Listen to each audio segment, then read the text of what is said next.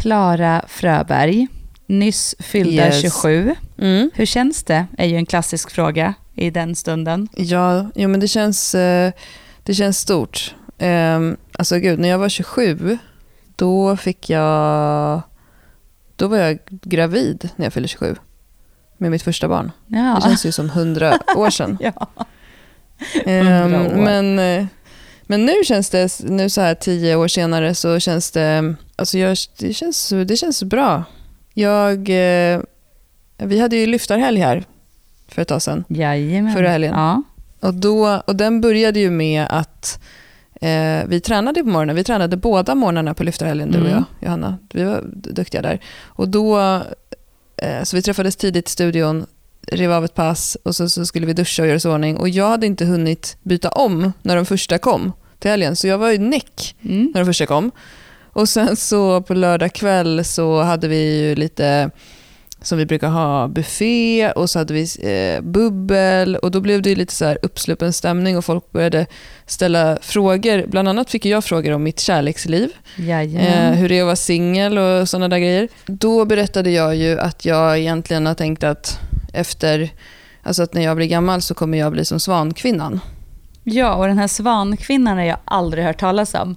Så Men det jag fattar var inte hur du kunde ha missat det. Nej, men alltså jag förstår inte hur du får tag på alla de här märkliga människorna och alla märkliga saker som du läser om. Eh, men då fick jag börja googla där och Klara, vad är svankvinnan? Liksom? Du måste ju berätta om Mm. den här svankvinnan. Jag lovar, Ja, att det är, mig- vänta, jag lovar att det är fler som inte vet vem det är än som vet vem det är. Ja. Ja, men Svankvinnan var ju, alltså det var stort 2007 eh, som hon höll på och härjade. Och det var en kvinna som då i Stockholm, på Kungsholmen i Stockholm, samlade på svanar. Hon hade, tog med sig dem hem från parken. Och så um, tog hon hand om dem hemma. Hon påstod att de var, och då kanske de var, vissa av dem också, skadade. Eh, så hon hade, vad var det, 11 svanar hemma när polisen tog henne första gången. Och sen så kommer jag ihåg att hon åkte fast igen också, att hon hade så återfall med svanarna. Alltså, Men hon, hon, hon, det sjuka med det var ju att hon tog hem dem i en IKEA-kasse. Alltså så hon, hon liksom gick ut på, på stan och så, eh, så eh, liksom närmade hon sig en svan, så ryckte hon åt sig den på något sätt då, och stod den i famnen och så stoppade hon den i en sån här blå IKEA-kasse och sen tog hon taxi hem. Det är ju så himla konstigt. Tänk dig taxiföraren som ska köra hem en svan. Ja, men det är jätteroligt. Alltså det, är så, det känns som att när jag liksom har läst om det här lite nu så finns det så väldigt många obesvarade frågor. Så man skulle vilja Ja. så här veta så här, vad gör svankvinnan idag? Exakt, exakt. Alltså, hur klarade hon jag sig älskar att utan- du också vill veta det. Hur klarade hon sig utan attacker i lägenheten? Eller blev hon Mm. attackerad? Har hon Mm. men? Alltså det är så mycket, Klara. Jag vet, jag vet. Hon, hon kände ju att hon gjorde det här för svanarnas skull. Men då berättade jag att jag, alltså jag samlar ju lite på alltså berättelser om framförallt tokiga kvinnor. Jag Ja. älskar, jag, men jag har också alltid känt på något sätt att, att det där det kommer bli jag. Liksom. Det kommer Ehm. ikapp dig en dag. kolla, här, nu, kolla här, nu googlar jag eh, henne Ja. och då kommer en artikel här så här, Svankvinnan slår till igen. Och då, då är det någon som har en bild på henne när hon går med så här fingerat ansikte och så går hon med svanen i, i Ikea-kassen och håller om den och, så, och håller på.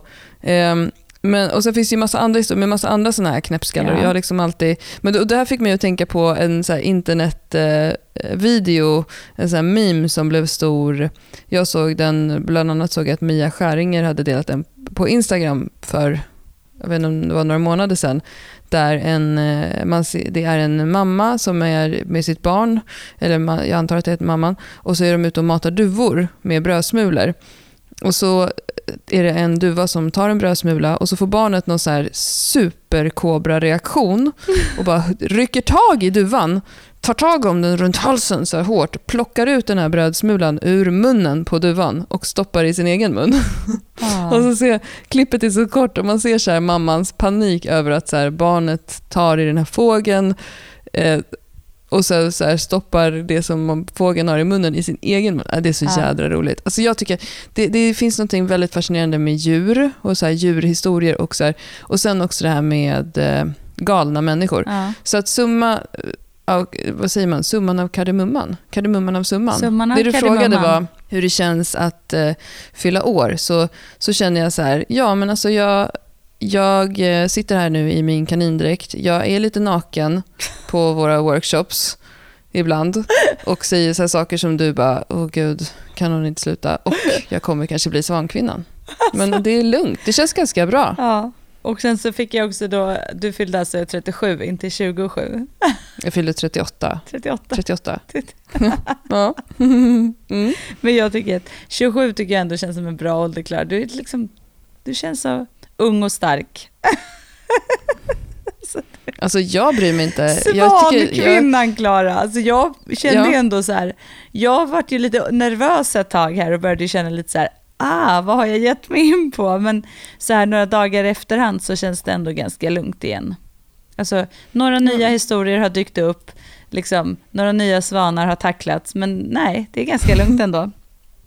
Det kommer ordna sig. Ja. Sen så tänker jag så här, alla vi som tänker att vi kommer bli svankvinnor eller eh, duvpersoner eller eh, ligga med skelettkvinnor och sådär. Mm. Eh, det är ju oftast inte vi som psykar ur, utan vi, de som psykar ur på slutet, när det väl gäller, det är de som har gått och härbärgerat sina känslor alldeles för hårt. Och jag är ju ganska mycket så här, alla känslor på utsidan, så att så det, jag känner mig rätt öppen. Så det känns ändå rätt lugnt att du eh, inte ska bli någon typ av svankvinna eller skelettkvinna eller något?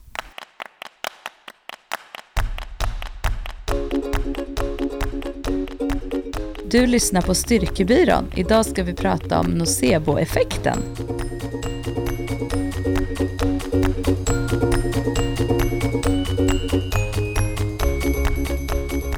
Apropå det, så det var ju så skönt häromdagen mm. i gymmet. Mm. Då så liksom har jag kund och du tänker att du ska så här, riva av lite chins för att mm. du hade inte hunnit med den träningen du hade tänkt på dagen. Så du... Jag var lite dåligt humör också, mm. det var på min födelsedag. Ja, det var lite dåligt humör på din födelsedag, men du var ändå så här, du var ändå taggad liksom. Och sen så bara hänger du i räcket och börjar yes. köra chins. Och du kör så jävla mycket chins och den kunden jag hade då känner ju dig också, så det var ju lite så här mm. kul. Och då var det liksom så här, du bara rev ju av fem set med tior och tyckte så här, och sen bara typ stannade du och tittade så här och bara, det var så jävla lätt. Och sen gick du typ därifrån. Mm. Det var ju så ja. skönt. Och ja, så, det var jättekonstigt. Det var så härligt och det var verkligen så här, det såg verkligen ut som du bara flög upp och ner i det där jävla räcket. Ja, och det kändes, alltså, precis, de var verkligen chest to bar också. Ja. Mandalaya hade varit stolt. Ja.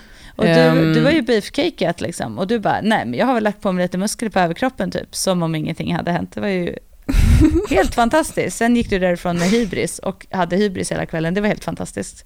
Jag älskar när du har hybris. Ja men det var faktiskt jävligt härligt att se. Den känslan. Jag, säga, jag känner mig som en gud. Ja, det sa du. Också.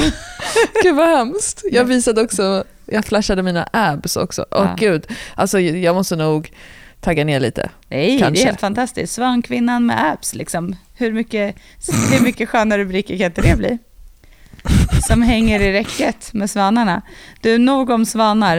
Eh, nog mm. för att vi skulle Hur är det med dig? Hur är det med dig då? Du som måste dras med svankvinnan. Nej, men det är härligt. Alltså det är bra liksom. Jag är, jag är, glad, jag är glad i livet. Du konstaterade ju häromdagen att maj är en jäkligt intensiv månad. Ja, ja men så är det ju maj är, eh, det är eh, väldigt många delar, liksom, både med jobb, liksom människojobb och med eh, livet så där som barn och aktiviteter och eh, möten och picknick och eh, mm. dagar. Och, ja, men det är, så, det är så, alla saker ska ju ske i maj. Så det är en sån, mm. man känner sig alltid lite svettig i maj. Ja, men, det är ju så. Men liksom, samtidigt så vet man så här, ja det är maj som är så. Och det är mm. ganska skönt när man vet att inte resten är så, lika mycket. Liksom. Så att, eh, mm. nej, men det, det, nu är det mycket jobb och vi håller ju på och eh, jobbar som tusan och eh, finlirar våra program. Mm -hmm. Som vi ska släppa på... Nu kommer de. Ja, idag. Idag. Det är helt sjukt. Det är, alltså äntligen. Alltså, det, är, det är sån prokrastination bakom det här så att du och jag blev ju tvungna att bestämma ett datum. Ja, nej men alltså, liksom, vi har ju efter liksom... det här liksom- datumet får vi inte hålla på mer med de här nej, programmen. vi har ju testat och vi har ändrat och vi har uppdaterat och vi har justerat och vi har korrat och vi har korrat igen. Och vi har mm. liksom Alltså det, det är liksom hela tiden så här små grejer och varje gång man sitter så bara, men du jag tänker på det här, om vi förflyttar det här. Alltså det, och det är Mm. så mycket detaljer och så mycket, och så att vi vill att det ska bli så bra eh, och Mm. liksom så tydligt. Och nu bara sa vi bara, men nu är vi, fan det är dags att flyga liksom. Mm. Mm. Precis. Det, alltså, man kommer alltid kunna jobba mer Ja. med allting. Och vi får väl bara släppa, vad är det du brukar säga? Släppa sargen och komma in i matchen. Ja, exakt så. Nu jävlar, nu Mm. kör vi. Så idag Ja. finns de i vår webbshop. Alltså det är så jäkla kul.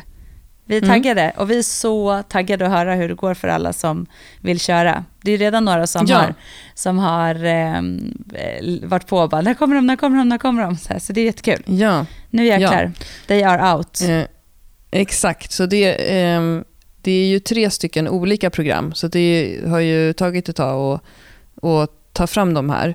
Och ehm, eh, de heter eh, eh, Bli en beefcake, eh, Eh, öka i basövningarna. Och då är det två stycken olika Bli en beefcake. Där det ena eh, är en så kallad tresplit, tänkt för den som tränar tre styrkepass i veckan.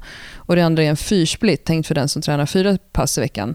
Eh, och det tredje programmet är lite spännande, för det programmet det är ju fristående från de andra. Det heter Håll fast kropp, ett förberedande program för dig som vill börja lyfta med skivstång. Och det är ju ett program där, som är indelat i två faser, där man i den första fasen inte jobbar med skivstång, utan jobbar jättemycket med eh, kroppens grundrörelser, drag, press, rotation, fällning, böj eh, och gång.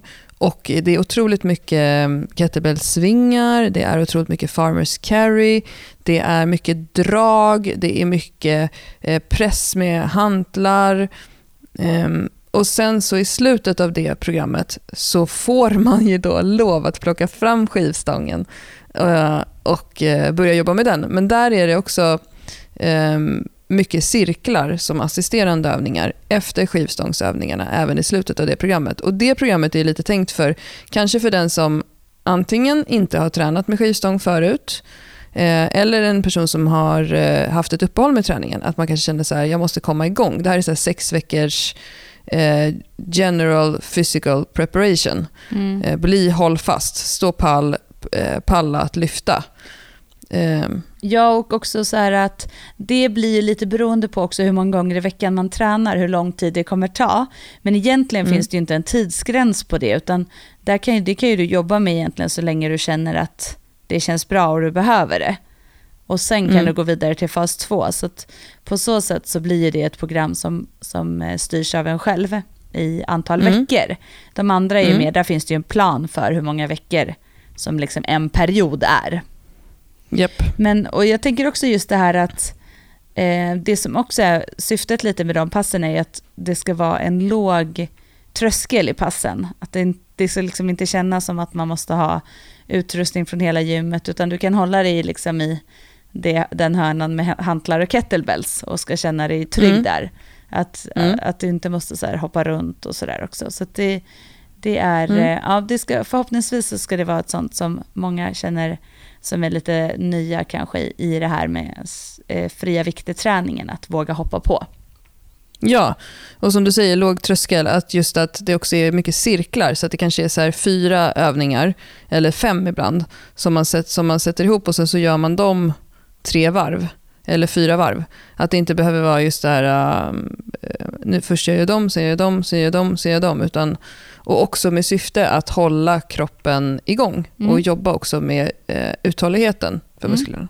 Ja, så det blir spännande. Det Mm. tror vi kommer bli ett favoritprogram hos många. En, vet du, en person som har kört det programmet, Ja, eh, Dr. Mellberg, just det. Mhm. Hon körde eh, hållfast kropp eh, som testperson innan hon, nu är hon ju liksom förbi det och kör ju istället Bli en beefcake. Ja, Vi har ju haft, vi har haft gäng testpersoner som har kört Mm. de här programmen eh, inför att vi släpper dem så att vi vet att, det är, att de är rimliga och så att vi har samlat in feedback och så vidare. Och flera av de här personerna är ju inne nu på sin eh, tredje cykel faktiskt. Mm. Och ehm, admin-Lina, som är admin i eh, Facebookgruppen, är inne på sin tredje och hon har ju också ehm, ökat eh, jättebra. Fått Hon väldigt kör fina också bli en beefcake. Mm. Ja. Så det är jäkligt kul. Och sen har vi såklart fått massa, massa, massa, massa konstruktiv feedback eh, under resans gång också. Och ändrat och fixat och donat. Mm. Men Johanna, kan inte du berätta om Bli en beefcake-programmen? Ja, precis. Det är ju då som du sa tidigare Clara, att det är så två olika och baserat på att man tränar tre pass i veckan eller fyra pass i veckan. Och Mm. det blir, den stora skillnaden är ju att, då, att i tre pass, alltså tre splitten, när man tränar tre pass per vecka, där har man ju en högre volym av basövningarna. För där jobbar man med två basövningar per pass. Och det är ju för Mm. att få mycket basövning. Eh, och, och sen jobbar man såklart med assisterande och man jobbar med, Mm. eh, med en del i början som är uppvärmning och aktivering. Eh, så det Mm. blir väldigt mycket volym på basövningen där, men också mycket fokus på bodybuilding. Eh, basövning två där i den, de passen är ju såklart inte då lika många set och reps som eh, basövning ett är. Eh, men Mm. det där kommer man ju såklart förstå. Eh, det, det, den här passet, det här upplägget tänker vi till exempel för de som kanske mm, har tränat, aldrig har följt ett program, eller som har kommit till en platå, som tränar tre gånger i veckan och vill ha en fokuserad träning eh, för sin styrka. Eh, d- Skillnaden, om man tänker för fyrsplitten, varför man skulle välja det ena eller andra. Fyrsplitten då, fyra gånger i veckan, där är det ju då baserat på fyra basövningar, en per pass Mm. eh, per vecka då, sen är det ju en progression i det, men där du då har knäböj i ett, du har marklyft i ett, du har bänkpress i ett och stående press i ett. Mm. Eh, och där är den stora skillnaden att vi tänker att det är de som kanske lyfter lite tyngre. För att för dem blir det, om man tränar flera gånger i veckan, för tufft med de här tre passen. Där man då ska köra dubbla basövningar och kanske lite tyngre.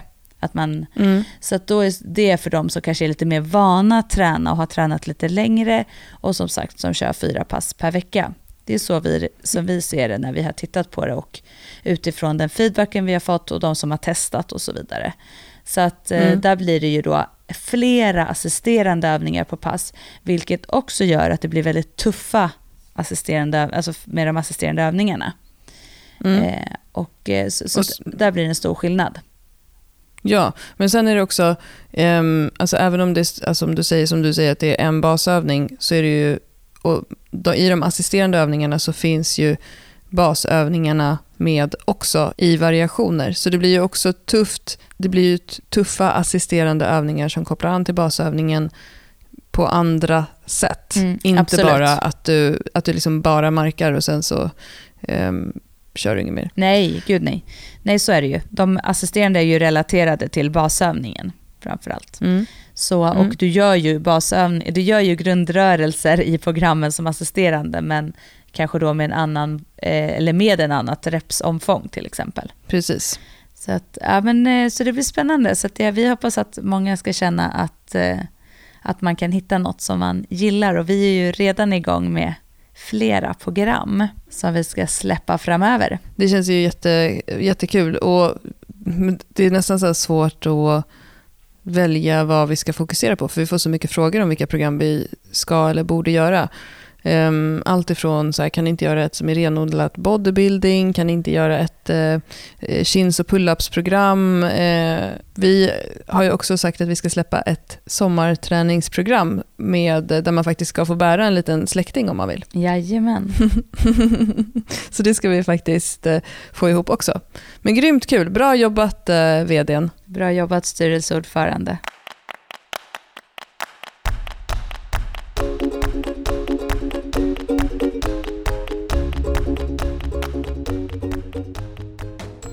Ditt bäcken verkar lite snett. Ditt eh, ena ben är längre än det andra.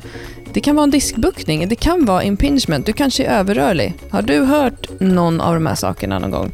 Idag ska vi prata om hur eh, negativa saker som terapeuter eller tränare säger till sina patienter eller klienter kan påverka vilka vi blir eller hur vi agerar.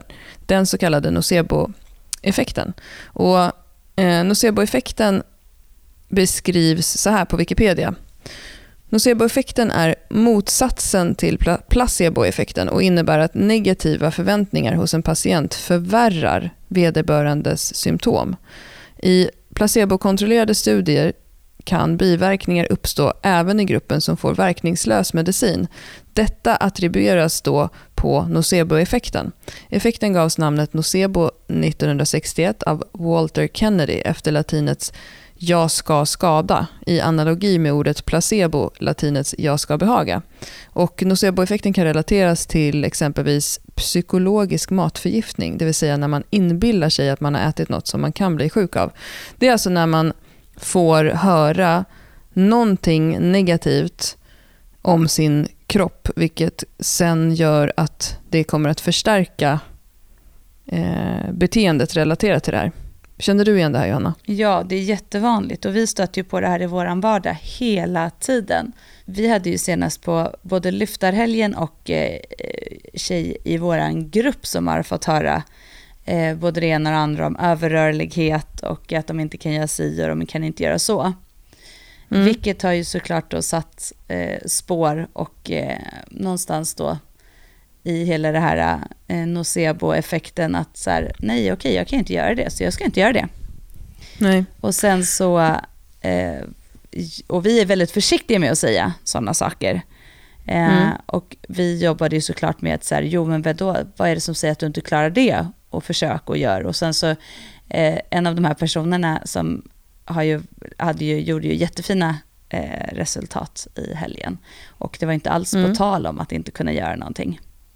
Nej, exakt. Och jag blir så jäkla, jag blir så jäkla irriterad på hela den här grejen. Och, alltså, det finns ju lite olika aspekter av det. Dels så är det så här att eh, många vi träffar har varit hos, här, man har varit hos en naprapat, man har varit hos en osteopat, man har varit hos en blablapat, man har varit hos en terapeut, någonting, någonting. Och det behöver inte betyda att det är någonting fel på de här eh, personerna som har en legitimation eller som de terapeuterna som man går till överhuvudtaget. Alltså det är ju svårt i kommunikation vad man ska faktiskt ta till sig mm. när man har en, så här, en timme hos en sån person. Ja. Och många fall, det här har vi pratat om förut när vi har haft terapeuter med i podden. I många fall så är det ofta så också att den personen som går ifrån ett, ett besök hos en fysioterapeut, det enda den kommer ihåg är ju, eh, ja men det kanske är en sak. Och när man pratar om nocebo-effekten så, så är det ju i många fall så att den eh, det kan jag ju känna igen jättemycket från den första tiden när jag jobbade som tränare också.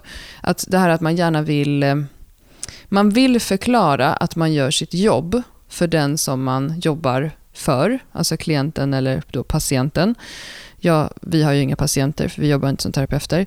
Eh, vilket gör att man hela tiden pratar. Mm. Och vilket också kan göra att man säger saker som personen i fråga inte egentligen behöver höra. Alltså det kan jag känna att ju mer erfarenhet jag får av alla dessa människor jag träffar hela tiden, ju mer skalar jag ju bort i vad jag säger. Jag har en klient framför mig där jag kanske, jag kanske ser så här, knät faller in, eh, svag, svag i ryggen, eh, Eh, dålig rörlighet i axlarna, eh, svag bål. Eh, jag, jag, kan ju se massor av de här sakerna, men nu för tiden så säger ju inte jag det. Eller jag vet inte om jag någonsin har varit en sån som säger så överhuvudtaget, men jag säger inte de här sakerna. Jag är en så pass bra kommunikatör och tränare nu för tiden att jag väljer vad jag... Jag filtrerar utifrån vad jag känner att den här personen behöver veta. Mm. Det finns ju en tradition inom personlig träning som har, jag hoppas att den har börjat mattas ut. Som tidigare var baserad på att en, en PT skulle då säga till en person så här, ja du har det här och här och här problemet, du behöver köpa 30 timmar så,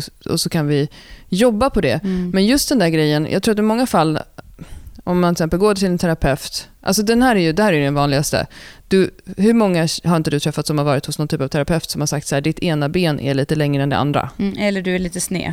Mm. Det, mm. Alltså, alla har ett ben som är lite längre än det mm. andra. Mm. Men den här personen kanske pratar medan den undersöker den andra, eh, konstaterar saker för sig själv. Precis som du vet när man är hos tandläkaren när de säger såna här L5, K5, alltså nu säger jag helt fel, utan när de knackar på tänderna, mm. så knackar den här personen på den här personen och konstaterar saker. Och den som är där, den som ligger där på britsen eller sitter där eller står där, den uppfattar det som att så här, det här är mitt problem. Mm, mm. Mitt ena ben är lite längre än det andra. Jag behöver gå till en PT. Jag går till en PT och säger så här, mitt ena ben är lite längre än det andra. Så jag tror kanske att jag behöver jobba med ensidesövningar för att stärka upp. Ja. Nej, du behöver inte jobba med ensidesövningar. Du behöver bara bli stark. Ja, du behöver bara träna. Alltså, du Ja. behöver inte göra något specifikt. Och alla är lite snea och alla har en svag och en stark sida. Liksom. Alltså, Ja, det, är liksom, det är helt naturligt eftersom vi gör saker i vår vardag på samma sätt Mm. oftast hela tiden. Alltså, Mm. Det är klart att vi blir starkare Exakt. på ena sidan. ja. ja och när, när, när vi samlar in eh, information till våra lyftarhelger utifrån deltagarna så brukar vi fråga lite om deras status, vad de har för historik, om de har några skador, det behöver vi veta inför helgen. Eh, hur mycket de har lyft och om de har maxat någon gång, om de har gjort det och sådär. Och Alltså det är ju så många som skriver så här, jag har fått höra att jag är Mm. överrörlig, jag har fått höra att mitt ena ben är längre än det andra, jag är lite skev på det här sättet. Och sen så kommer alla de här människorna till oss och vi förvånas över vilka otroligt kompetenta, sammansatta individer vi har framför oss Mm. som bara behöver bli lite starkare. Ja, Alltså du ska inte ta bort belastningar från kroppen bara för att du är lite skev. Alla är lite skeva. Alltså nu blir jag lite uppjagad här. ja men det är härligt. men- Jag älskar ju när du blir det. När du har hybris och när du blir uppjagad, det är mina två favorittillfällen, Klara. Skönt att du inte blir eh, orolig i alla fall. Men, nej, men det var också en diskussion i våran, alltså i eh, eh, styrkebyrån eh, community. Så var det också en diskussion med någon som eh, hon upplevde att under tiden hon böjer så vrider sig ena foten Just utåt. det. Just det. Alltså det blir en rörelse. Och då fick hon massa tips från folk som tyckte så här, men, prova att böja bredare, prova och... Eh, Ha lyftarskor. Ja, det, det har säkert med fotleden att göra, tänker folk då. För då man tänker så här, ja, det sker något i foten. Ja. Då är det foten som är något fel på. Och då kände jag att jag blev tvungen att gå in där och säga så här, det behöver inte alls ha med foten att göra. Alltså en, en fotrörelse kan vara en kompensation. Alltså om det händer något med en led, titta alltid på en annan led. Nej, För att det är inte leden. symptomet. Ja, det är inte symptomet som är diagnosen. Nej. Aldrig. Har du ont i axeln så beror det oftast inte det på axeln.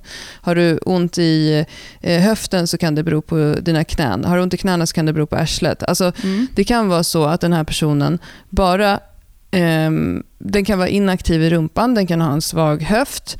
Eh, men det kan också vara så att den här personen gör fel.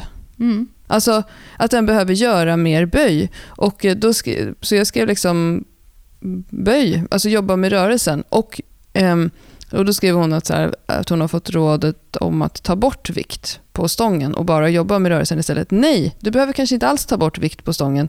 Du behöver kanske bli stark och bara sluta göra det där med foten. Alltså ofta så har vi ju tics för oss också. Jag har ju själv blivit utskälld i andra poddar för att jag har så kallade jazz hands när jag bänkade förut. Så nu försöker jag att inte göra det. Det är tics. Det behöver inte betyda att jag har fel på mina fingrar för att jag viftar med dem när jag ska bänka.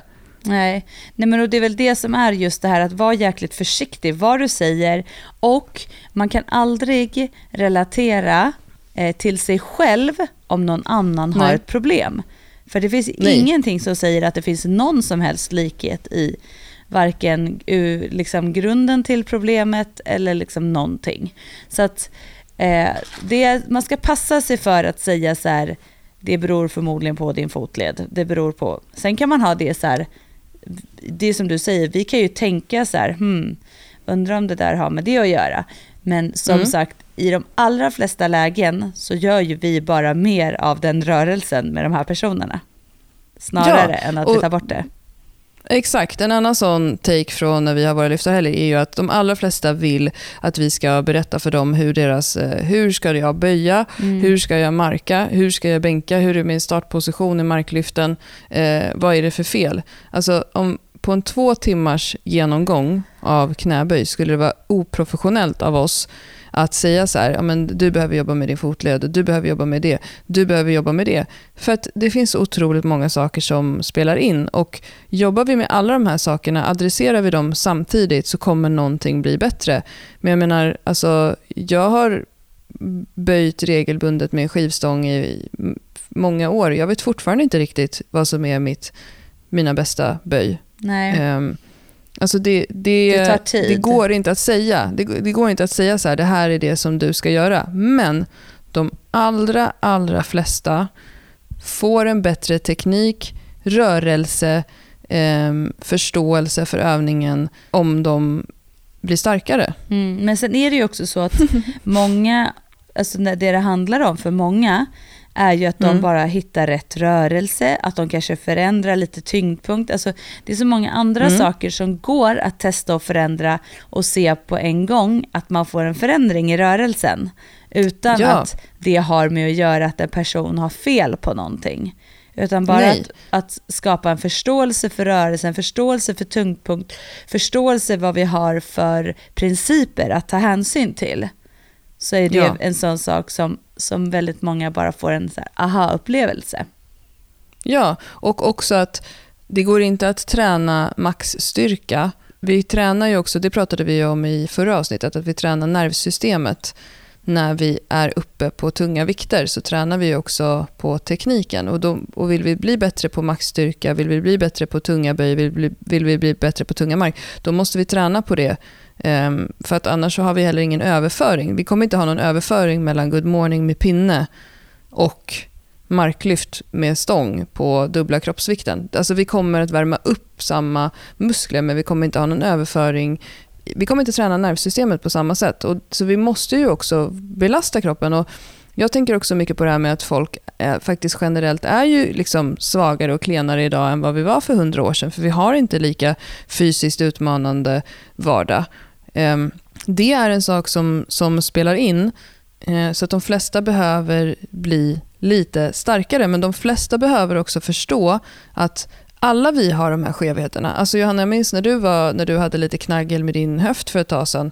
Jag menar, du har ju, får ju också så här, det här behöver du jobba med, det här behöver du jobba med. Det är inte som att du är en så här perfekt person bara för att du är i en sjukt bra form. Vi är ju alla lite skeva. Ja, definitivt. Och grejen är att det är inte så heller då att man kan säga så här, det är det här som är problemet, utan man får jobba med många olika saker. Så kommer det Mm. bli bättre. Böj, knäböj, så kommer dina knäböj bli bättre. Och det är ju jättevanligt att när vi träffar många av de här personerna så säger jag, men åh knäböj, nej men det kan jag inte göra och det är någon som har sagt det här och jag har så här och så här.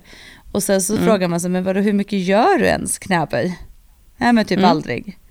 Eller så här, jag kan inte göra det för jag har problem med axeln och det är jätte, då har jag blivit tillsagd att inte bänkpressa till exempel. Så Mm. jag kan inte Ja, bänkpressa. fast, ja, exakt, men det kanske är så här, får du ont i bänken på 45 kilo, men du kan bänka på 35. Exakt. Det är klart att du ska bänka på 35 då. Alltså det, det är ju också, det här pratade vi om när vi gick den här kursen evidensbaserat styrkelyft i november förra året med fysioterapeuter som forskar om skador kopplat till styrkelyft. Mm. Där, eh, där det var andra terapeuter som var med. Vi var ju nästan ensamma om att jobba som tränare där. Och Då var det en av dem som sa så här, det här är någonting som vi terapeuter behöver bli bättre på att eh, tänka träning när vi jobbar med våra patienter. Mm. För att många terapeuter fastnar i att så här, ah, knäna valguserar, det vill säga de faller in. Då jobbar vi med miniband eh, med musslan. Mm. Fast det är, ju inte, det är inte musslan som du ska bli bättre på att göra, utan det är ju att böja. Mm. Eh, och, och, och i vissa fall så hamnar, liksom, de tar inte hem hela, eh, vad ska man säga, hela cirkeln. Utan man försöker att göra någon smärtfri, men i en annan rörelse. Mm. Men folk kanske behöver göra knäböj också, eller göra den här bänken. Mm. Gud, jag blir så uppjagad av det här. Det är så Janna. härligt, jag älskar det. Alltså det är så härligt. Man måste bara hitta på- sina förutsättningar. Säg aldrig till någon att de inte kan göra, utan skapa förutsättningar för den här personen att göra det utifrån sina förutsättningar istället. Alltså det är, Exakt. och det är det som, är, liksom, som jag tycker är en stor del i att vara tränare. Det handlar ju om att hela tiden kunna utmana personen framför dig utifrån Mm. dens förutsättningar. Och utmana Exakt. handlar inte om att de ska göra den klurigaste övningen och stå på ett ben och peka på näsan, utan utmana dem utifrån deras mål, vart de vill komma med den, det de har och det de levererar fram, liksom just nu. Och då, Exakt. då gäller det att hitta det. Du går inte att säga gör si eller så, utan man får testa, men man måste ha ett intresse i att, att utifrån där den personen är skapa förutsättningar som den kan böja. Om då det är något som är ett problem som du måste komma runt, ja då får du böja, men hitta ett sätt att böja då, alltså som funkar. Ex- Exakt, ja. Och det är det som är, det är därför vi till exempel använder oss mycket av eh, de här eh, breda eh, sumomarklyftslika boxböjen till exempel för klienter som har knäproblem, vilket vi har fått skitbra resultat av. Där, där man inte sätter så mycket stress på knäleden för att man böjer mer höftdominant.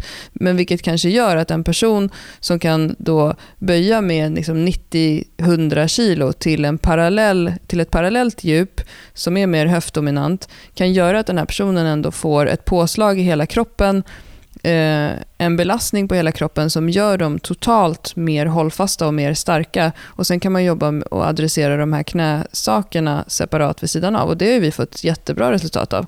Ja, Ehm, och du, det är ju som du sa förut, så här, att om du, bara, om du har något problem och bara gör lite kring det, så är det ju så att personen kommer ju då inte få jobba på de här större delarna som också är viktiga. Alltså precis som Nej. vi har pratat om att om du jobbar bara med inre aktivering så kommer du inte komma vidare i din träning för bålen. Alltså du kommer inte bli Nej. starkare, du kommer inte kunna lyfta tyngre. Alltså det hör liksom ihop.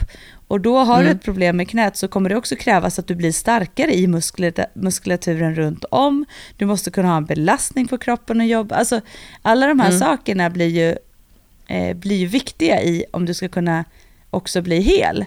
Alltså jag, Mm. jag är ju kunden som har hållit på jättelänge och kört liksom gummiband och knärehab och det har inte blivit bättre.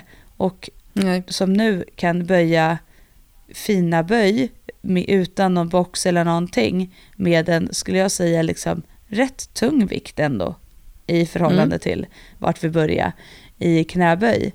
Och det var en person som sa så här, jag kan inte göra knäböj för att Ja. jag har problem med mina knän. Och det är så här, för mig var det så här, men vänta nu här, du kan inte göra knäböj. Har du testat alla olika? Har du testat olika sätt? Har du, alltså, och, ja, Mm. så det, och det, Om du, får, om du får ont av en teknik så kanske du ska ändra och testa en Exakt. annan teknik. Men ändå få göra rörelsen, ändå lägga på vikt på kroppen ja. och bli starkare i hela kroppen. Det är precis som när de som går våra överkroppsgrupper och bänkar och kinsar, de får ju en överföring till sina knäböj och sina marklyft för att de får en ökad muskulatur, styrka i hela överkroppen vilket gör att de orkar hålla uppe skivstången.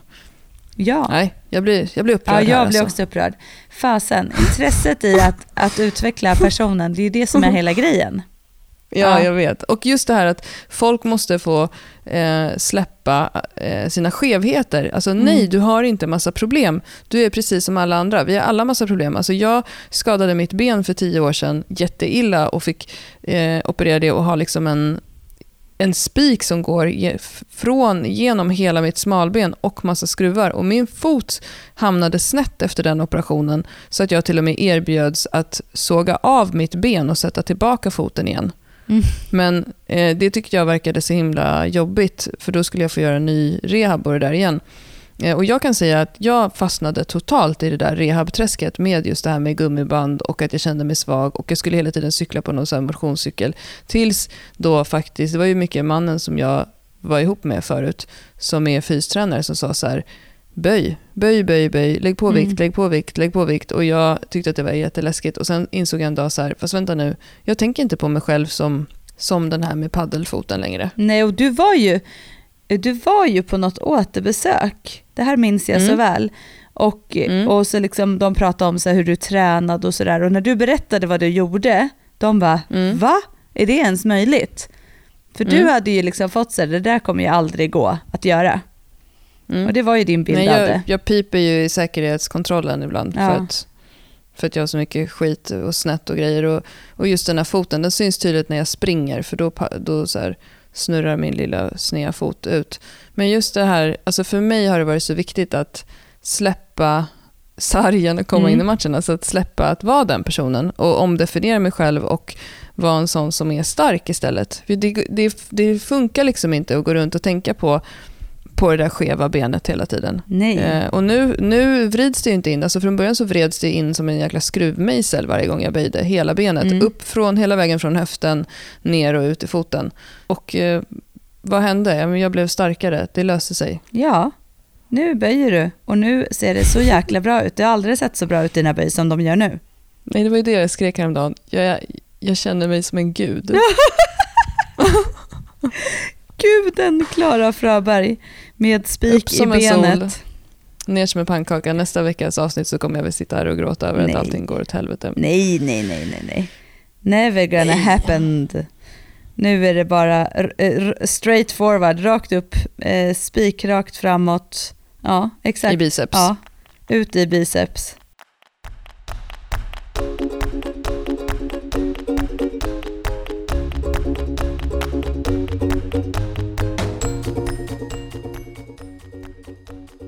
Apropå det hörru Klara med beefcake också. Vi håller ju på att kika på lite nya tischer. Ja, nästa tryck. Ja, Vi, vi har ju fått väldigt mycket förslag på tryck och ofta så eh, skrattar vi ju åt eh, förslagen. Ja. Eh, vi har fått allt från så här, livets vider, det var någon som tyckte att jag skulle ha en t-shirt där det stod fuck på. eh, vi har fått förslaget kniva någon. Mm. Och vad, vad är det mer? Ah, jag kommer inte ihåg. Stör mig inte var det någon som tyckte också. Mm, Eller något ja. sånt där att man skulle ha på ryggen. Det är bra. Men beefcake känns ju, det känns ju klockrent. Ja, och det känns ju som ett av våra favorituttryck och det passar ju alldeles utmärkt till Mm. träningsprogrammen. Så att, eh, ja, men det är på intåg. Det ska bli så jäkla kul. Apropå det här med nocebo-effekten Johanna, Mm. att man får en negativ effekt, så läste ju du och jag en, eh, om en rolig studie som vi fick från Daniel Richter i Styrkelabbet. 1972 så gjorde man en studie på atleter eh, eh ska vi se, i USA, tror jag att det var. Eh, och då var det 15 stycken styrketränande personer som eh, under eh, 11 veckor så eh, skulle de först eh, lyfta i sju veckor och sen så valde de ut ett gäng. Det här var alltså vad de sa till atleterna. Utifrån hur de lyfte de första sju veckorna så skulle de bästa, de som gjorde mest framsteg, få steroider de sista fyra veckorna som de tränade. Men de visste inte att eh, det här var alltså fake. De fick alltså sockerpiller istället för steroider. Och eh, resultaten av de här eh, personernas träning var ju helt fantastisk. Eh, det som man till slut kunde se var ju ehm, att de här sista fyra veckorna när de trodde att de gick på steroider så ökade de helt sjukt mycket. De första sju veckorna så ökade de, ehm, de här personerna i snitt 4,5 kilo i resultaten. Och ofta är det ju så att man i början av en träningscykel så ökar man ju mest. Och sen när de trodde att de fick steroider, de sista fyra veckorna, så ökade de i snitt 13,3 kilo. Alltså det är, I det, bänk. det är så jäkla mycket. Ja, det är så roligt. Eh, och sen ökade de ju också i alla andra Mm. övningar också. Och vad den här studien säger är ju att de blev starkare för att de trodde att de gick på steroider. Mm. De blev starkare för att de trodde att de skulle bli starkare. Mm. Och då blev de det. Och det här är ju eh, helt tvärtom mot nocebo-effekten. Just det. Eh, och, och, och lite det här som vi pratar om med våran, du och jag med våran hybris, att vi tycker att vi är så här grymma. Men tror du att, du kom, att det kommer att gå bra så kommer det gå bra. Alltså jag menar, det finns ju hur mycket som helst kopplat till det här, både placebo och nocebo-effekten. Man kan bara söka loss på PubMed så hittar man massor. Man kan också ta fram vilken av alla självhjälpsböcker som helst som handlar om typ eh, The four hour work week eller eh, omdefiniera dig själv eller fasen lyssna på Paolo Roberto när han kör sina eh, motivationstal. Mm. Alltså du blir ju, du blir ju som du tror. Ja. Så att eh, eh, Johanna kan inte du lura mig att jag eh, har tagit steroider? Jo, men jag gav ju dig det igår. Gud, jag ska gå och bänka nu. Alltså det är så skönt, för fan vad gött. Jag, alltså det vore så jäkla bra, bara vi, vi lurar varandra lite då och då. Och så bara Ja. blir vi så jävla mycket starkare. Det, vore jäkla, Ja. det, är en, det är ändå en skön tanke det där tycker jag, att vi lurar varandra lite mer Klara. Den Och- drogfria droganvändningen. Ja, Är det så du tänker? exakt. Hur bra som helst. Tänk vad folk Ja. skulle må bra om vi gick och lurade dem att de fick steroider och att de ökade massor i styrka och blev jätteglada och starka. Det där är ju också... Alltså det, det kan ju sprida sig dåliga rykten i träningsbranschen om Ja, du vi tänker skulle börja så. på så här. Ja, ja, okej, Ja. men vi släpper det då. Men jag tänker, det där är också så roligt det här med när man lägger på vikter på den här Mm. gamla klassiska, när man har en, men det sitter i liksom, man ska göra ett maxlyft och Mm. det borde man bara klara. Och sen så, Mm. så då lägger man på lite mer utan att den här personen vet om det.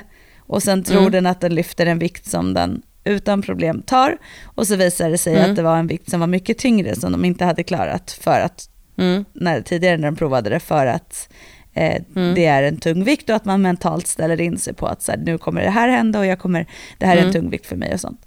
Och det där är så jäkla kul. Det har ju skett flera gånger när vi har kört. Alltså inte Ja. bara med varandra Ja. utan även med kunder, att vi har smugit på lite vikter när vi märker att Ja. det här är eh, det, det du skulle kalla Klara för papppsyke. Exakt, det var det jag skulle säga. Jag, jag minns eh, för eh, många år sedan när jag drog 100 i mark första gången. Då trodde jag att det var 80. Mm. Jag hade lagt på fel viktplattor. Jag hade lagt på 20 istället för 10. Och det är ganska stor skillnad viktmässigt på 80 och 100. Mm. Men den åkte ju upp. Och jag visste ju inte att jag kunde dra 100 då, kommer jag ihåg. Jag Det- blev väldigt förvånad. Det var ungefär lite kände att som mina jag... armar var långa. Det var ungefär som jag gjorde lite med dig när du trodde att jag Mm. drog 150 fast jag drog 155. Ja. Fast du är ju tvärtom. Ja. Du är ju liksom placeboeffekten personifierad. För du säger ju så här, ja, det här var 160, så, men jag vet ju att jag har 170. Ja, precis. Ja, men jag, jag har inte samma pappsyke där, men för dig är det bra, dig är det Nej. bra att lura lite. Gud, Ja, placebo och nocebo, för mig är ju Mm. det lite förvirrande det här. Det, det, Mm. Du drog ju det lite i början, men kan inte du bara en gång till säga så tydligt Ja, skillnaden? det är bra, vi avrundar. Ja. Nocebo-effekten är motsatsen till placebo. Då. Det innebär alltså att eh, negativa förväntningar hos en patient Ja. förvärrar en symptom. Ja. Alltså om jag säger till dig så här, du ser lite svullen ut där på, eh, i halsen, så kommer du känna hur ditt halsont tilltar Mm, på vägen mm, hem. Mm. Eller att så här, det kan vara så att du har en eh, diskbuktning, så kommer du uppleva att du har det och då kommer du lyfta på det sättet. Men eh, placeboeffekten är ju att du, att du tror att du får en positiv effekt av någonting som egentligen inte har Som någon inte bevisad finns, ja. effekt. Precis, som jag brukar göra så med mina barn när de vill, de tycker att det är så kul att ta vitaminer, men de kan inte ta hur mycket som helst, så då brukar jag ge dem eh, typ sockerpiller. Mm. Mm. Eller någonting annat. Som de, och så tycker de att de känner sig så här starka eftersom de får, de får fejkade eh, steroider. Mm. Eh, så det är ju eh, placeboeffekten. Du tror att du får antibiotika så att du, eh, du slutar ha ont i öronen. Mm. Fasen alltså. Lite mer Ja. sånt. Alltså det är uppenbarligen bevisat. Och vi har ju Mm. idag problem med att för många, eh, med, bland annat med så här, eh, antibiotika och sånt ju, att det blir Mm. så här resistenta bakterier och sånt. Och att vi, då tänker jag så här att då kan man ju bli lite mer lurad inom sjukvården. Att man går och Ja. hämtar ut sin medicin så tror man att man får rätt medicin. Men egentligen så får Mm. man inte det. Så läkarna har lite så här val att kunna göra lite så här placebo. Ja, men sen, eller så bara den effekten som i många fall tror jag vi har med våra klienter, att de tror att, att det är vi som får dem att lyfta den där vikten, men det är ju de själva som gör det. Ja. Och eh, mycket det här att den peppen som vi ger dem, alltså det, det är väldigt mycket, handlar väldigt mycket om att vara en kommunikatör när du jobbar som tränare och få en person att Tro. eh, tro och känna och göra istället för, alltså det är ju aldrig vi som lyfter stången åt dem. Nej, verkligen inte. Det Men de tror ju det. Mm. Mm. Och de, de får ju peppen av det och då klarar de av det. Så att slut, avrundningen på det här är, ehm, bli inte din diagnos. Jag minns också när vi gick den här evidensbaserat styrkelyft att de visade oss lite grann från den studien som de håller på med nu. Men de sa så här, det här kan vi inte säga är säkerställt då än för att den inte är färdig. Mm. Men där de bland annat har tittat på styrkelyftares ländryggar. Eh, och både då styrkelyftare som har ont i ländryggen och styrkelyftare som inte har det. Och de sa ju det att de hade ju flera MR som de hade gjort på personer som inte hade ont, där folk hade diskbrock. Ja. Och sen hade de MRs på personer som hade ont, som hade mycket mindre skador. Eh, så det beror ju verkligen på, men bli inte din diagnos. Nej, bra avrundning. Tycker Eller jag. Mm. Ja, Klara, fan bli stark. Ja, det är viktigt. Och om du vill bli stark så kan du alltså gå in på www.styrkebyrån.se shop eller så går du bara in på styrkebyrån.se och klickar på shop-knappen så kan du köpa ett träningsprogram som du blir stark av. Fan vad grymt. Ej, ej, ej. Taggade till tusen. Ja, jag gillar den här tresplitten. Bli en Mm. beefcake tresplit, den tror jag på. Där får man verkligen allt och vi har tidskollat programmen. De som kör dem ligger snittar på en timme per träningspass. Mm. Om man håller den vilan som vi säger att man ska hålla. Ja, det är skitbra. Sjukt bra. Ja, tresplitten Mm. är min favorit också. Så in och kika på dem och sen så du och jag, vi hörs väl om en vecka. Ja, det gör vi. Ja. Ha det bra. Puss på er då. Hej då.